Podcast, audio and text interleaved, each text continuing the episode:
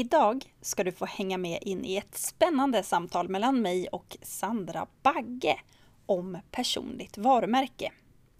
Sandra har du mött i podden tidigare. I avsnitt 84 då talade vi om nyhetsbrevens återkomst. Det är ett väldigt matnyttigt avsnitt tycker jag. Så har du inte lyssnat på det så kan jag varmt rekommendera dig att göra det. Alltså avsnitt 84. Men idag pratar vi alltså om personligt varumärke och om hur du som hållbar yogaprenör definitivt borde jobba med just detta. Sandra är både utbildad i ämnet och har egna erfarenheter av att dels jobba med sitt eget personliga varumärke men också med att stärka andra soloföretagares synlighet. I dagens avsnitt delar hon alltså med sig av om hur du som yogaprenör kan hitta ditt personliga varumärke och använda detta för att hitta nya fantastiska kunder. Så om du vill lära dig mer om hållbar marknadsföring så att du når de där kunderna som du kan hjälpa allra mest och som du har roligast att jobba med, ja, då är det här poddavsnittet för dig. Varmt välkommen till Yogaprenörpodden podden för dig som har yoga som affärsidé. Jag heter Angelica Henriksson och vill hjälpa dig jobba hållbart. Fysiskt, mentalt, själsligt och ekonomiskt. Då säger jag hej och välkommen till podden Sandra Bagge. Tack så mycket Angelica Henriksson. Kul att ha dig här igen. Jo men eller hur. Ja. Nu är det här snart en tradition. Ja, absolut. Och jag gillar den traditionen. Men den som inte har stött på dig tidigare, kan du inte lite kort presentera dig? Ja, men jag heter Sandra Bagge och jag brukar säga att jag är multipassionerad kreatör. Men mitt hjärta ligger i illustration. Jag är illustratör från början och eh, tecknar eh, allt möjligt, bildbanker och eh, alla möjliga, vad man än vill ha som är Eh, tecknat helt enkelt. Men jag är också multipassionerad i den eh, tanken om att jag eh, älskar så himla många saker. Jag, jag älskar att rita men jag älskar också till exempel personligt varumärke. Just det! Bra radioövergång med tanke på att det är det jag har bjudit in dig till podden. Oh. Ja, vilken tur! Ja men du, vi, vi landar faktiskt där på en gång. För, ja, vi kan väl sticka in också att du och jag jobbar tillsammans i eh, barnyoga.com. Där är du ju faktiskt kalasfixare.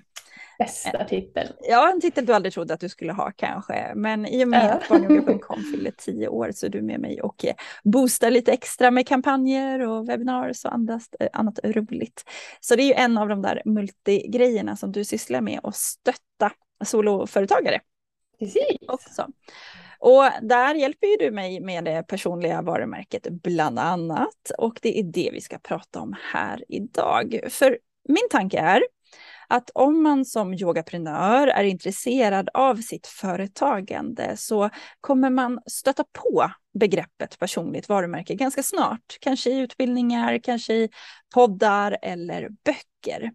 Och jag tycker att det är jätteviktigt. Jag vet att du brinner för det och hjälper andra med det. Men vi tar det lite från början. Vad är ett personligt varumärke, Sandra?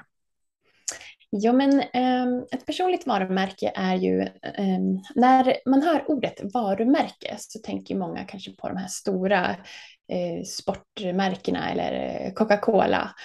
Eh, Medan eh, ett personligt varumärke är ju typ motsvarigheten fast med en människa. Och eh, det är lättare att relatera till och börja liksom, gilla en människas varumärke än kanske Coca-Cola som är bara liksom vit text på, på röd bakgrund. Just det, det här man kan ha mer värden och mer, det finns en människa där bakom istället.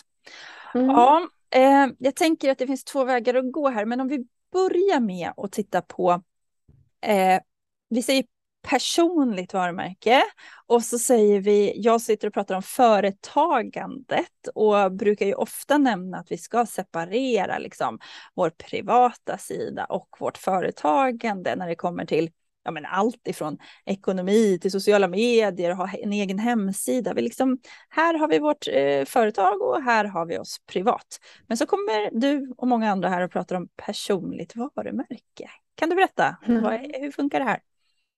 Ja, eh, personligt är eh, nödvändigtvis inte privat, det ska man ha klart för sig. Och eh, personligt varumärke är ju just det här att man, man har lättare att relatera till en människa. Så det ska man ju ha med sig i sin strategi när man eh, snackar om personligt varumärke. Det är ditt varumärke, men du har en liten fördel i att du kan vara personlig. Ja. Så ett konkret exempel jag kan vara en fantastisk yogalärare. Jag har ett personligt varumärke. Då fyller jag det med att, att det är jag. Att det är jag, Angelica, som är yogaläraren. Men jag går inte så långt som att det blir mina privata semesterbilder som eh, far in i företaget, utan jag gör en gräns. Är vi på samma planhalva då? Ja, verkligen. För att de som, eh, om vi snackar sociala medier nu, de som följer dig är ju ändå följare på grund av att de Eh, relaterar till dig som yogalärare eh, och även fast de kanske också är föräldrar så kan man ju kolla på sina kompisars eh, semesterbilder hellre kanske än för att dig vill man höra om yogagrejer ifrån. Ja, just det. Sen kan man ändå bestämma sig för ett par saker som man släpper in i sitt personliga varumärke som liksom bygger personligheten. Eh, nu, jag, tar, jag tar mig själv här nu då närmast, men eh, till exempel i Yogaprenör så har jag valt att lyfta fram mina halvgalna katter där hemma för att de liksom, eh, ja men de är lite med i, i mitt galna liv i form av att det händer grejer och det blir lite tokigt och hemmajobbande och, och så vidare. Eh, och så är de ganska Instagramvänliga också, måste jag säga, de där tokstollarna. De släpper jag in och så kan jag liksom relatera det till det jag faktiskt gör. Men jag släpper inte in liksom allt annat som jag har runt omkring mig. Det är ju en sak. Jag vet att eh, du har ju det där att du pratar ganska mycket om kläder och mm, tecknar och pratar kläder. Kan du berätta om det? Vad är det du gör?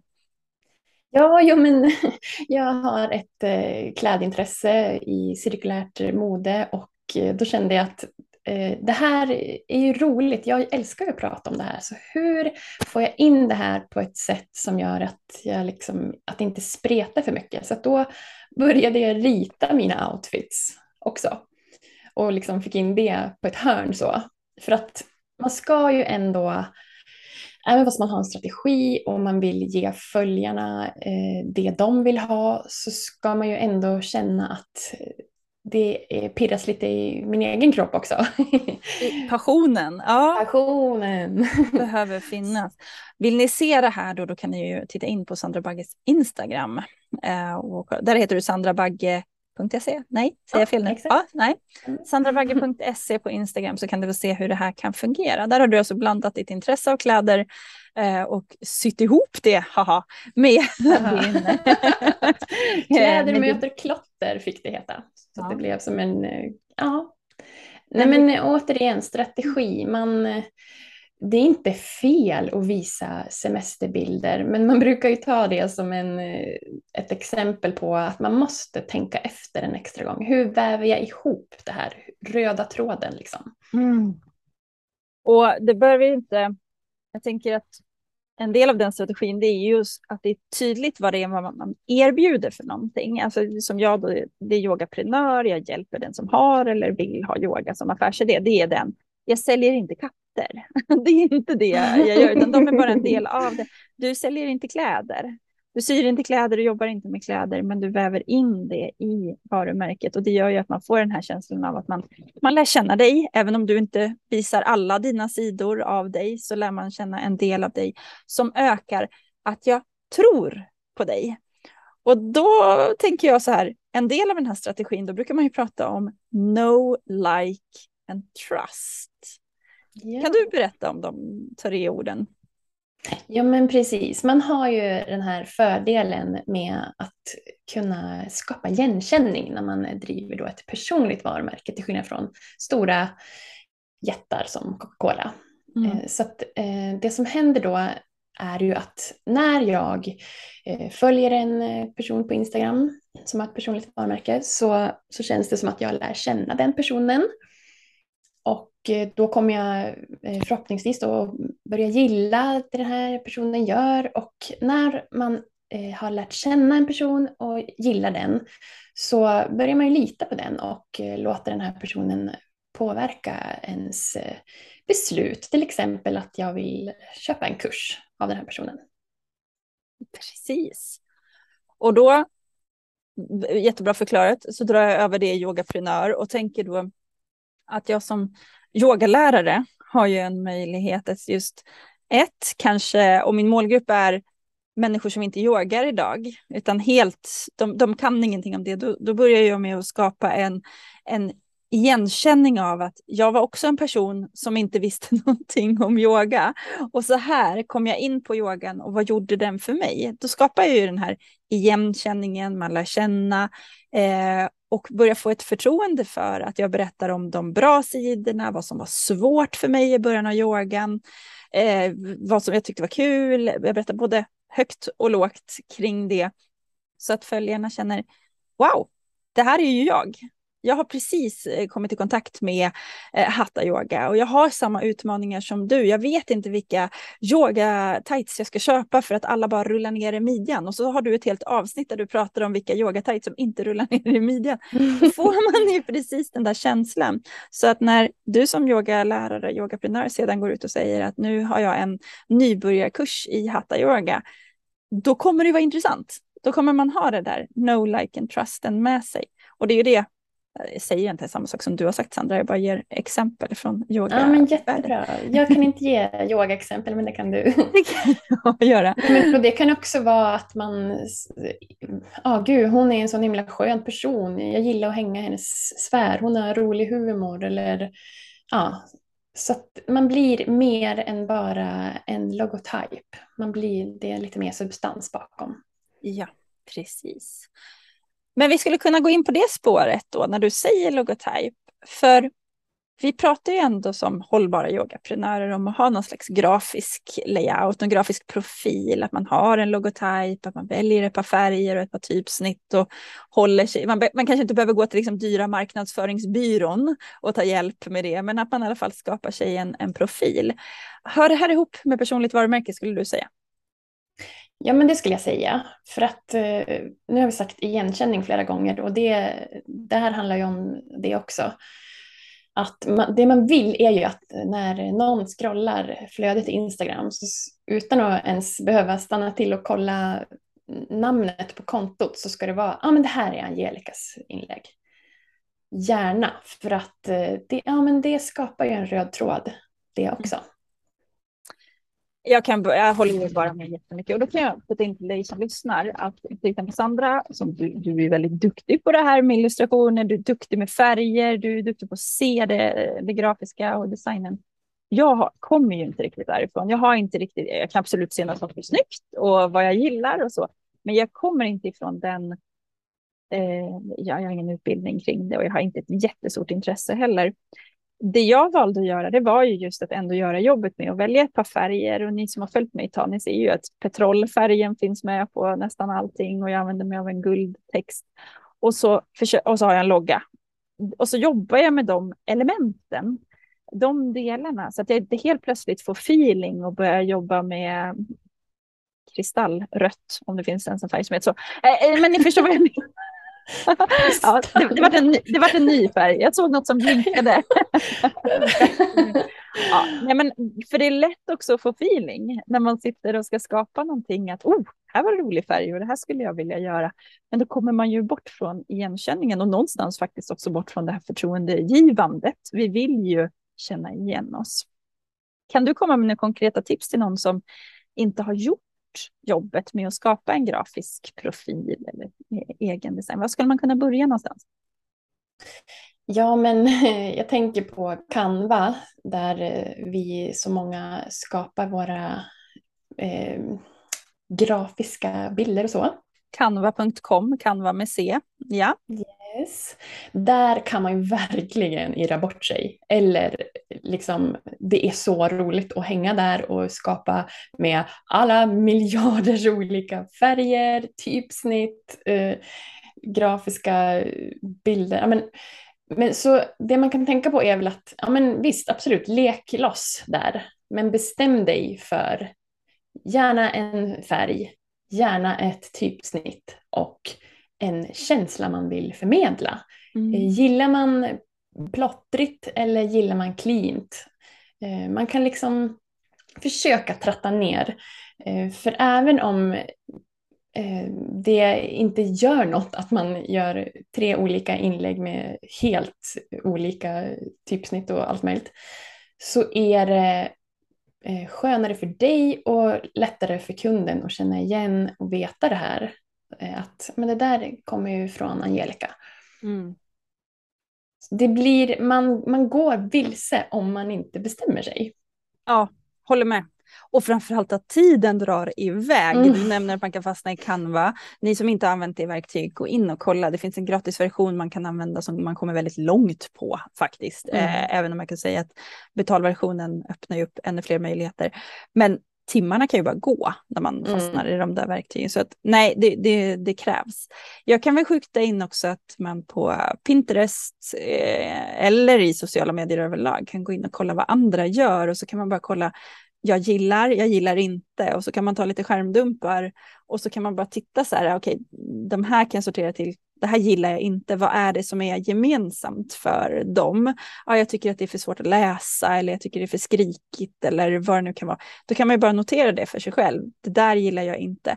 Och sen tittar man på det man gillar och så kollar man vad har de gemensamt? Ja, men de håller sig i den här färgskalan eller de har det här sättet att prata på och så kan man skapa sig någonting där i kring. Precis. Och jag måste säga från egen erfarenhet och jag vet att många yogaprenörer, kanske soloprenörer överlag, har den här berömda popcornhjärnan där man liksom vill mm. testa mm. olika saker och så. Det blir dyrt för företaget. Alltså mm. varje timme vi sitter och jobbar med sådana grejer kostar ju företaget pengar. För den tiden skulle vi kunna gjort någonting annat. Och med det sagt så får man ju på något sätt avsätta tid. Så här, nu, nu avsätter jag en halv dag här och gör jobbet. Söker igenom, kollar vad jag gillar och tar ett beslut. Sen får man ändra det beslutet, absolut, men inte varje gång man gör ett inlägg. Då tar det för lång tid. ja, det var bra sagt. Ja. Hur eh, hittade du din grafiska profil? Har du ner mycket tid på det eller har det växt fram? Eh, om man ska backa till liksom dag ett, nej men då hade jag ju, då hette mitt företag Clover and Cloud. Eh, det, det, är en annan historia, men och då blev det väldigt enkelt att eh, mina färger skulle vara vitt och grönt. Mm. Och det har jag faktiskt tänkt kvar för att jag älskar grönt eh, fortfarande. Så att, eh, jag tänker mycket eh, att grönt ska vara min basfärg. Mm. Och sen, ja, men som du nämnde, ett lättläst typsnitt Eh, och eh, en eh, skriptaccent, alltså ett typsnitt som är lite mer kalligrafiaktigt mm. som man kan använda till kanske rubriker. Mm, just det.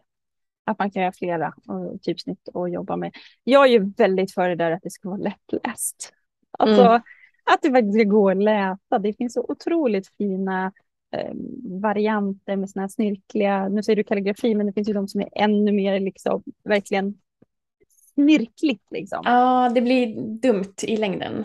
Ja, och jobbar vi med sociala medier så är det så små ytor och man ska ha liksom snabbt komma på. Så det kanske är ett tips från, från dig och mig att skicka med liksom, tydligheten. För det, det vi vill är ju att folk ska känna igen, känna förtroende och förtroendet kan ju sjunka lite om man inte kan läsa ut vad någon skriver. och, sen, och sen att det liksom är att man snabbt kan uppfatta budskap. Precis. Direkt ser vad det är som händer. För att uh, at the end of the day så vill vi ju sälja i vårt personliga varumärke. Inte bara att folk ska tycka att det är fint. Nej, precis. Och där kanske vi kan ramla in på det här med hållbarhet och personligt varumärke. För jag pratar ju om att, att vi ska bli hållbara yogaprenörer och eh, det jag tänker är ju om man vill starta en yogakurs om tre veckor och det är bara den kursen man tänker att man ska göra och sen planerar man inte längre framåt. Då kanske inte strategierna som jag lär ut i yogaprenör är för dig för att jag satsar ju på att du ska bli hållbar över tid. Att det ska funka fysiskt, det ska funka mentalt och själsligt. Alltså det ska vara roligt på jobbet. Det är det man behöver göra för att orka de här mindre roliga bitarna. Men också att det blir hållbart ekonomiskt. Och då planerar ju medlemmarna som är med i Yogaprenör, vi planerar ju på ungefär ett, ett och ett halvt år framåt hela tiden, liksom tittar framåt, var ska vi? Och jag tycker att personligt varumärke är en väldigt stark del av just den här hållbarheten. Skulle du hålla med om det? Ja, men absolut. Ehm, man är ju kanske ofta bara alltså enmansföretag när man snackar personligt varumärke. Så att hållbarhet och personligt varumärke tycker jag verkligen går hand i hand. Mm. Och jag tänker att vi bygger på sikt. Liksom vi bygger, det jag trycker ut i, i mitt varumärke, om jag liksom lägger klossar i, jag vill ha med det här, jag vill att den här känslan när man ser eh, mina inlägg eller en annons eller någonting, då ska man få den här känslan. Eh, det blir ju starkare över tid, ju fler klossar som ligger i den här påsen. Jag kan mm. inte sitta hemma och göra allting över en dag och sen är det klart, utan det blir över tid. Enkelt. Eh, men man kan ju ändra sig. man kan ju bli lite sådär. Du har ju gjort en sån resa. Du började med ett företag och sen gick du över till liksom, Sandra Bagge-namnet mer. Mm. Vill, du dela lite hur det blev, vad som hände där? Ja, till att börja med så hade jag väl ingen aning om eh, att det fanns något som hette personligt varumärke när jag började, utan eh, det är något som har växt fram. Och det, det är ju som så mycket annat, att man, hit, man lär sig mer, man blir mer påläst, man, man inser, eh, ja, vill man skala upp eh, hållbart så behöver man kanske göra vissa förändringar men det handlar väldigt mycket om erfarenhet och eh, att man vill ta reda på nya saker. Mm, mm. Vad var det som fick dig att svänga över då ifrån liksom, ditt företagsnamn till att bli Sandra Bagge mer? Kommer du ihåg det? Ja, eh, det var nog ah, ja, det som jag nämnde nu. Att, eh, för jag började ju på sån extremt liten skala eh, liksom på sidan av min anställning. Och, men sen, ja, som vi också har nämnt, jag ville sälja mer. Mm. Och då behövde jag nya strategier för att det skulle bli hållbart. Och ja, på den vägen är det väl. Jag förstår. Jag tänker bara att jag ser lite grann det även i yogavärlden. Att man kanske börjar i jag vill skapa ett företagsnamn, jag behöver ett företag. Eh, och så är det nästan så att man gömmer sig lite bakom det företaget.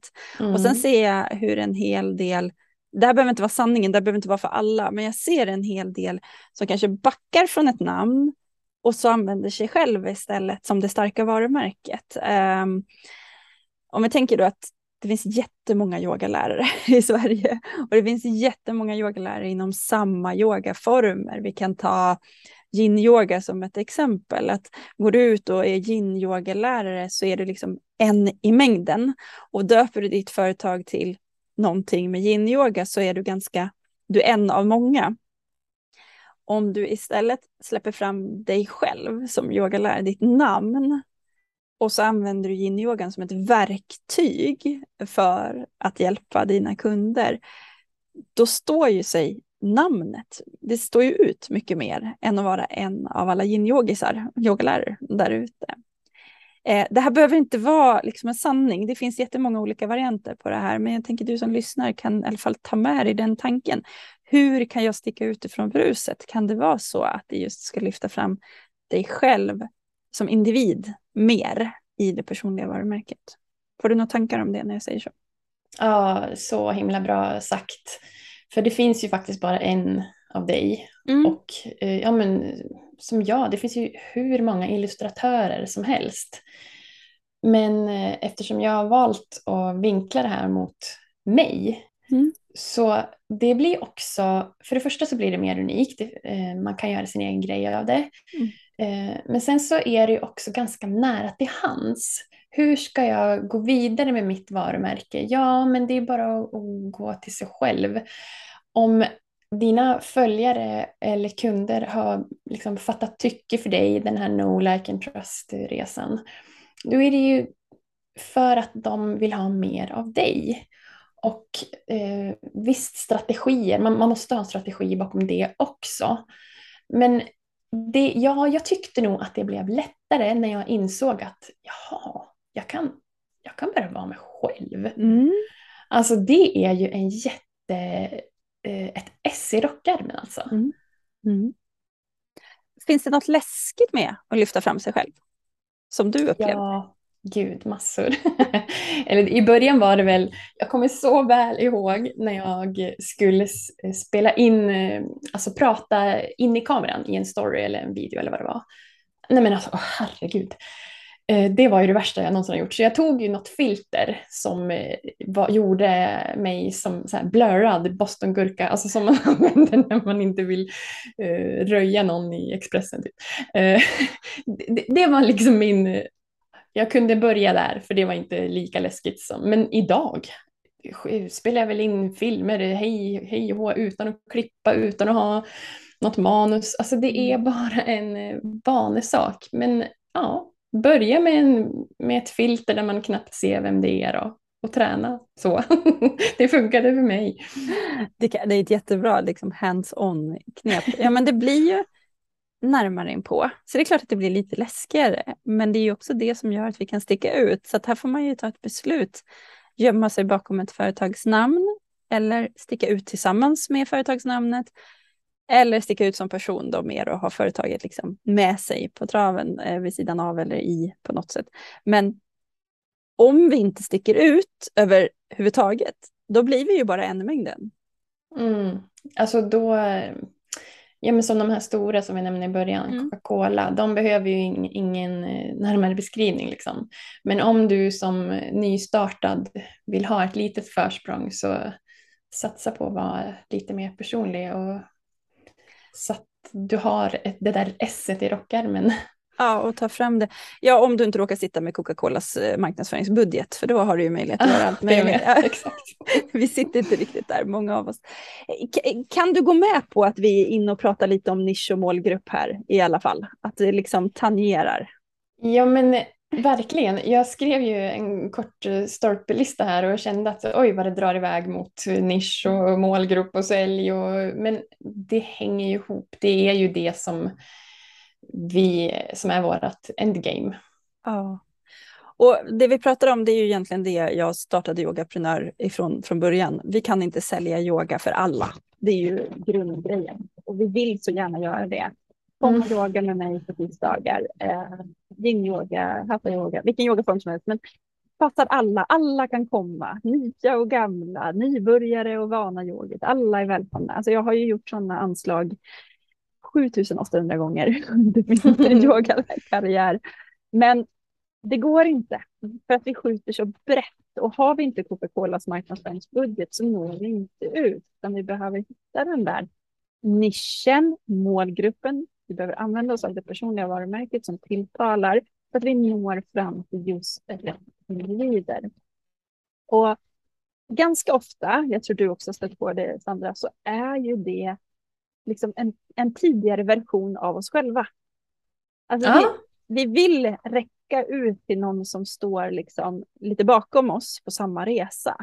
Eh, den vägen jag hade in till att komma i kontakt med yogan, det som gjorde att jag blev yogalärare. Det står en massa människor bakom mig som är i samma läge och jag kan hjälpa dem att komma längre fram på resan med hjälp av mina verktyg. Men för att de ska tro på mig, för att de ska förstå det här, att jag är där framför och kan hjälpa, så behöver jag nå ut med det budskapet. Och det är ju det personliga varumärket. Verkligen. Det är där man måste vara. Precis, och då kan man ju också nämna att många tror ju att man måste vara en sån extrem expert liksom.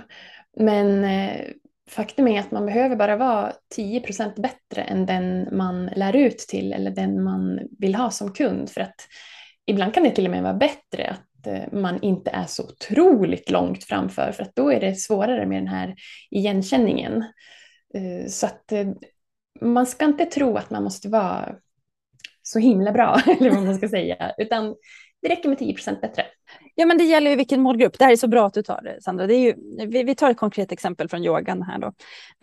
Om du är ganska ny som yogalärare till exempel, då har ju du nära till just det här grunderna, till att lära ut. Då står ju du ganska nära nybörjarna på så sätt att du är. Så att dina kurser, dina erbjudanden riktar ju sig säkert till någon som står där i början. Men säg att eh, du är ganska ny som yogalärare och så ska du vända dig till några ashtangis som är jättevana av att ha sin egen praktik 90 minuter varje morgon. De kommer inte vara dugg intresserade av att komma och yoga hos dig för att du är inte där. Eller för det första så kanske du inte ens är där, varken som yogi eller yogalärare. Men det är inte heller de, de som du kommer ha roligast med att jobba. Du kan inte hjälpa dem mest. Du kommer inte ha roligast på jobbet för du kommer inte känna att du är där. Utan du hjälper ju just de här nybörjarna. Så vi måste ju se vart vi är. Och då vill jag skicka ut en, en liten shout-out till er yogalärare som är allt annat än nya. Ni har varit yogalärare så himla länge. Men det ni lär ut, liksom majoriteten, det är fortfarande grunderna i yogan ni går och leder drop-in-klasser på en studio eller ett gym. Ni leder kurser höst och vårtermin och varje kursstart så kommer det nya. Så att du, du kommer liksom aldrig vidare. Du står och lär ut grunderna gång på gång på gång. Jag vet att du som lyssnar, många, många av er har varit där. Jag har hållit på där i hur många år som helst. Man gör, leder ut något som man inte har en passion i längre. För du själv har kommit mycket längre. Du har gått så många fördjupningsutbildningar, du har kommit så mycket längre i din egen yogapraktik, i ditt eget eh, lärande. Att dina bästa kunder, de som du har roligast med, de som du kan hjälpa mest, det är de som också har kommit längre.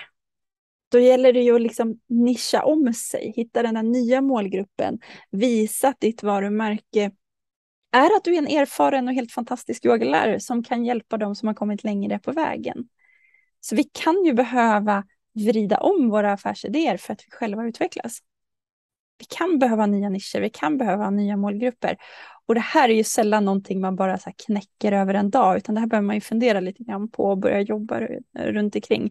Och jag kan berätta att jag har några sådana medlemmar i Yogaprenör just nu och det är otroligt roligt att få följa med på den resan. När det liksom så här, ja, du skulle vara med Sandra och illustrera när det, när det tänds glödlampor runt. Kaching!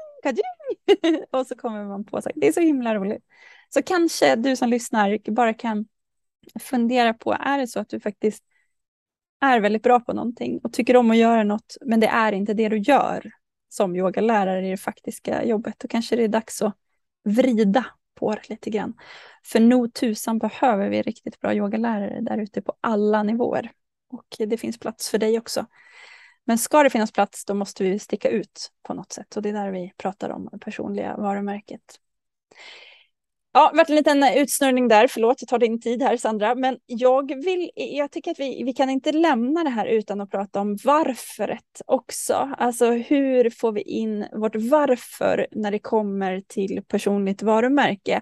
Vi har själva tänkt ut, eh, förhoppningsvis, varför vi håller på med det här, varför vi vill göra det, vad som är passionen. Kan du sätta några ord på hur vi kan få fram vårt varför eller känna att vi själva är på rätt väg med just personligt varumärke? Jag ska göra det, men jag måste bara få lägga in en brasklapp om din rant här. Ja, förlåt. Nej, det är det här, alltså jag ser ju din passion, jag, jag, ser eftersom att vi sitter på Zoom, eh, men dina lyssnare kommer ju höra din passion och eh, alltså det är det här man måste ha med sig. Det ska vara, och det har ju för övrigt ihop med ens varför också, det ska vara något som man sätter sig och rantar om, ut, och det glimrar i dina ögon och liksom om att man inte ska vara rädd och och eh, sätta sig själv i ett fack och aldrig gå vidare utan om din passion omformas, men omforma den och ta med dig dina kunder på resan och ha kvar passionen. Det, har du inte passionen så har du inget varför och då har du inget företag. Så att självklart ska du eh, ranta och låta mig vänta. jag, jag älskar ju sånt. ja men du var bra. Hörni allihopa, ta en läxa där hemma. Vad är det ni brukar ranta loss om? Där har ni någonting som ni ska göra. Ja, vad kul, tack. Vad bra att du satte orden på det där Sandra. Och då kanske du nästan svarade på nästa fråga också. Varför ja, egentligen. Eller hur? Man ska ju, eh, alltså för ens varför är ju det man bygger hela sitt företag på egentligen. Varför gör jag det här? Mm. Vad är det som får mig och alltså vad är det som gör att det pirras i kroppen? Vad är det som gör att jag kliver upp en morgon när jag bara vill ligga kvar under täcket?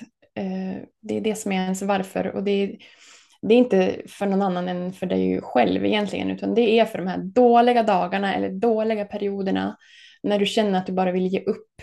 Mm. Då, om du har ett riktigt starkt varför så är det det som gör att du inte ger upp. Håller helt med och du och jag som har varit igång ett tag de dåliga dagarna kommer ju. Alltså oh ja. det är ju så. Och vad fantastiskt det är när man hittar tillbaka. När man påminner sig. Jag pratar ju om yogaprenörs dagbok. Skriva ner sitt varför, liksom samla på härliga ord som kunder har sagt. Eh, han samlar på bra minnen när det kändes bra. Så att man kan läsa det de där dagarna när det inte känns så kul. Helt mm. Har du något tips? Har du något som du gör för att komma ihåg ditt varför? Ja men det har jag.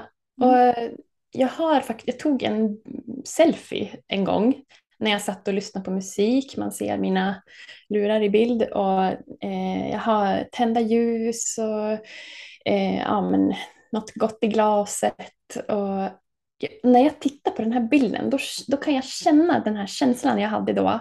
Att jag satt i min bubbla och jag ritade och jag mådde så bra och jag bara ja, men det är den här, den här känslan kommer tillbaka när jag tittar på den här bilden och det är mitt varför. Att jag mår så bra och jag känner mig på topp och liksom då, då kan jag hitta tillbaka till all, trots att eh, eh jag jobbar eh, kvällar och helger och nätter och jag är jättetrött eller allt vad det nu kan vara exempel. Eh, så är det den här känslan jag vill känna och veta att det är därför jag gör det.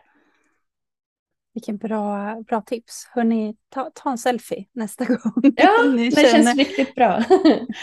jag tror det närmaste jag kan komma precis i den, det är nog när man kliver ut från en yogaklass ibland. Man har lett kanske 90 minuters yogaklass. Um, här på Studio Karma så har vi ju inga fönster i yogasalen, så när man kliver ut efter 90 minuter och så känner man, jag har ingen aning om om det är höst, vinter, vår eller sommar. Jag vet inte vilken tid det är på, på dygnet. Jag vet inte om, om jag har varken barn eller någon jag älskar. Alltså jag har ingen aning om någonting. Jag är helt nollställd och jag menar det är mm. positivt. Jag har mm. varit i nuet, jag har jobbat, jag har gjort mitt jobb, jag har hjälpt andra. Men jag är fullständigt i nuet. Alltså den känslan har tagit mig tillbaka till yogamattan så många gånger. För att jag hittar inte något annat sammanhang i livet där jag är så nollställd kan väl låta så dumt, men nollställd är positiv. Jag är, jag är i nuet, jag är här. Ah, ja. liksom. Mm. Oroar mig inte för någonting, jag grubblar inte över någonting som har varit, jag är inte hård på mig själv, jag behöver inte jobba med självacceptans, jag behöver inte, utan jag liksom är, är i nuet i ett. Där skulle jag ha tagit en selfie. Det har jag inte gjort, men jag har gjort ett sånt inre Kodak ja, En inre selfie. en inre selfie på den. Ja, jag skulle bli superglad om du som lyssnar kanske bara gör en liten story och taggar yogaprenör och berättar när du känner dig som i ditt liksom, esse så kan vi kanske inspirera varandra. Jag ska faktiskt fundera på när jag kan ta en selfie nästa gång på det sättet. Tack Sandra. Och spara det i en mapp som heter Mitt varför. Mitt varför. Ja, tack. Riktigt bra. Jag gjorde en anteckning till. Det blir ingen snygg radioövergång här, men jag gjorde en anteckning som jag skulle vilja lyfta bara innan vi liksom eh, rappar ihop för idag. Eh, jag pratade om det där att man kanske är yin-yoga-lärare, tog jag exemplet, och då blir man en i mängden. Och så tar man istället och lyfter fram sig själv som individ. Jag skulle vilja vända på den bara. Eftersom jag också har drivit yogastudio, jag vet att väldigt många som lyssnar driver en yogastudio eller kanske drömmer om att göra det. Där fick jag nämligen göra mig en annan liten resa som jag gärna bara vill bjuda på. När jag startade Studio Karma så var det ju ganska få personer som sa att de yogade på Studio Karma. Man yogade ju för Angelica. För mm. att jag ledde jag tror jag, hade, jag snittade på 14 klasser i veckan som jag ledde första året. Mm. Eh, så det spelar ingen roll om du har nybörjarklass, fortsättningsklass, om du var gravidyoga, senioryoga eller gud vet vad yoga, så var det jag som stod där. Så det var jag som ansiktet utåt hela tiden. Sen började jag ju ta in andra lärare och vi växte. Och liksom, jag såg ju själv, jag måste lyfta fram Studio Karma mycket mer, liksom logotypen. Sen vill jag ju fortfarande ha alla de här fina värdeorden och så, men det, jag behöver få att kunderna känner att jag yogar på Studio Karma. Mm. Och där började ju brandingen komma in i form av att eh, man fick ett guldkort, som ett litet visakort, men ett kort i guld med våran logga på eh, som man liksom blippade när man gick in, så man blev karma, eh, man hade karmakortet. Eh, vi, vi hade tygpåsar med tryck på, vi hade vattenflaskor som våra årskunder fick som är snygga med, med loggan på. Man började känna att man blev en del av Studio Karma istället. Och det här gick ju så pass långt att mot de sista åren så kunde det ju vara så att jag behövde hoppa in och vicka på någon klass. Och då fick jag liksom presentera mig när jag kom fram, för det var ingen som visste vem jag var. Vilket nästan är lite roligt, från att ha gått från så här, jag yogar hos Angelica till att jag fick gå in, hej hej, jag heter Angelica, det, det, det är jag som startade det här en gång i tiden. Så då fick vi göra en liten annan resa där vi var så här, ja men nu kanske vi har tappat och blivit för mycket bara logotypen, nu behöver vi lyfta oss. Och då lyfte vi såklart alla yogalärarna liksom med filmer på Instagram och um, i nyhetsbreven och vi satte upp bilder på väggarna liksom med alla yogalärarna och så. Bara hur det här kan svänga runt. Mm. Men det bra i kråksången var ju att det faktum att jag sköt ut mig själv, eller att jag i alla fall byggde varumärket starkare än bara i mig själv, det var ju att jag byggde ett varumärke som gick att sälja. Det hade varit mycket svårare att sälja Angelicas yogastudio än att sälja Studio Karma. Mm. Men och igen, strategi. Eh, det, det blir hur strategin är. Om, ja. är, om det är en bra strategi. Ja, det är ju där det måste bli. Och det, var, varför jag vill lyfta det här är bara för tanken till er. När man startar upp en yogastudio, precis som man, när man går in i ett kärleksförhållande, ett äktenskap, man vill ju inte prata om hur det ska bli när man separerar eller går ifrån varandra eller mm. säljer. Mm. Det är inte det man vill tänka på. Men strategin, som du nämner Sandra, behöver ändå vara, ska det här vara Angelicas yogastudio? Eller ska det här vara ett större begrepp? Ska det här gå att sälja? Jag diskuterar med medlemmarna i Yogaprenör. Eh, ska det här vara, ska jag bygga en tillgång som går att föra vidare eller ska det här vara hos dig? För Sandra Bagge som illustratör, det är ju du hela vägen ut. Sen skulle du kunna skapa produkter, andra skulle kunna skapa produkter i ditt namn.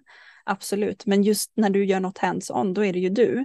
Så där kommer ju strategin sen. Vart vill jag med det här längre fram? Eh, så jag, jag, riktar mig framförallt till du som, dig som lyssnar som har en yogastudio, att du kanske kan ta med dig det in i tänket. Vad vill jag någonstans med det här i en framtid? Ja, eh, får du några tankar när jag pratar Sandra?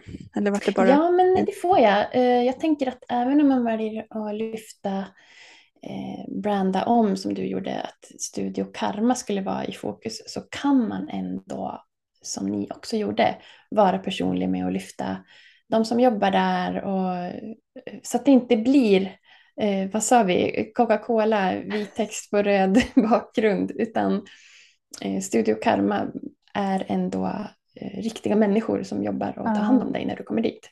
Stor skillnad. Otroligt stor skillnad. Jag får upp ICA framför mig när du pratar, för de har ju lyckats mm, göra det ja. i form av att vara det är väl nästan vit text, eller det åt andra hållet, röd text på vit bakgrund. Ja. Men, men, det, ja, men själva loggan blir man ju inte så exalterad av på något mm. sätt alls. Men i och med sina reklamfilmer med i och för sig skådespelare då, men de har ju verkligen lyft fram människorna. Ja, de har ju gjort det så snyggt. Eh, stort, stort varumärke, men mm. fortfarande människor bakom. De gör ju ett jättebra jobb på till exempel Facebook när de besvarar frågor. Och, alltså det är så här, de skriver under med sina namn Mm. Ja, men de, de gör det riktigt snyggt. Ja, bara för att få lite så exempel från verkligheten liksom, på mm. hur det kan se ut. Eh, så får, tillbaka till att vi kanske inte har Coca-Cola eller ICAs marknadsföringsbudget. Viktigt att komma ihåg. Mm. Oh ja. och, och vi inte har den tiden och resursen. Men nog kan man dra liksom, exempel från det eller tankar på hur man Ja, man kan inspireras. Precis. Okej, jag vill avsluta med att bara ställa den lilla frågan. Vi har nämnt ordet strategi flera gånger. Mm. Jag är ganska säker på att som en eh, multipassionerad yogalärare då, istället för mm. illustratör, så kan man ju liksom bara ruttna av tanken på att höra du behöver ha en strategi. Vad kan uh. man göra? Hur kan man börja? Kan man ha en, vad, vad, är en, kan du komma på någonting som man skulle kunna börja? Eller från ditt eget? Jag tror att man har en strategi fast man inte vet att det är det man har. Eh, så skriva ner, tänker jag. Och det kan ju vara, eller jag är en sån person som tycker det är lite nice att ha eh, kanske rubriker. Vad är det jag ska tänka på? Men det behöver ju inte vara tråkigt, även fast det är ett skittråkigt ord, utan som sagt, du har redan en strategi, du vet bara inte om den. ja, men jag håller med dig. Jag håller med. Fast det händer något när vi sätter det på pränt. Mm, eller ritar mm. ner eller sätter post-it-lappar eller vad vi nu gör för någonting. Och det kan jag ju berätta att det är ju det jag hjälper mina medlemmar med också. Att de kan ha en strategi men inte känna att den är liksom ihopsatt. Och då kan vi bolla det fram och tillbaka. Och jag måste precis skriva under på det du säger Sandra. De allra flesta har ju det. För om jag säger, ja men gör så här. Nej, nej det vill jag inte. Nej, för att du har en strategi ungefär vad du vill göra. Och just det där att göra tvärt tycker jag är ett bra sätt ibland att, att fundera på det. Mm, vet vad man inte vill göra. Vad man inte vill göra, en bucket list åt andra hållet. det har jag haft i hela mitt liv faktiskt. Testa på saker och sen bara bocka av. Det vill jag aldrig mer göra. ja men alltså tack snälla. Jag hoppas att du som lyssnar också har fått med dig lite tankar och idéer kring detta med personligt varumärke och hur det kan hjälpa oss istället för att på något sätt bli en tråkig eh, sak till att göra i vårt företag. Ja, om man vill följa dig Sandra, vart tar man vägen? Ja, men då hänger vi på Instagram va? Jajamän. sandrabagge.se och det är också min eh, URL till min hemsida. Jajamän. Och jag kan eh, tipsa om att du som tycker om eh, att få inspiration till eh, riktigt bra nyhetsmail och så, signa upp på Sandras lista och få en massa bra inspiration. Och om man har det minsta intresse av att eh, illustrera och så, så tycker jag att det är väldigt roligt att följa Sandra för jag får lite tips på vad jag kan göra med mina barn ibland. Ja. Även om inte det är det viktigaste du gör så får man ändå eh, inputs tycker jag, vilket är roligt. Yes. Hörde ett super, super eh, tack för idag. Låt oss återkomma om ett, något sånt här ämne för det är alltid roligt att prata tillsammans med dig. Jättekul, jättekul. Tack så mycket. Ja. Tack för idag.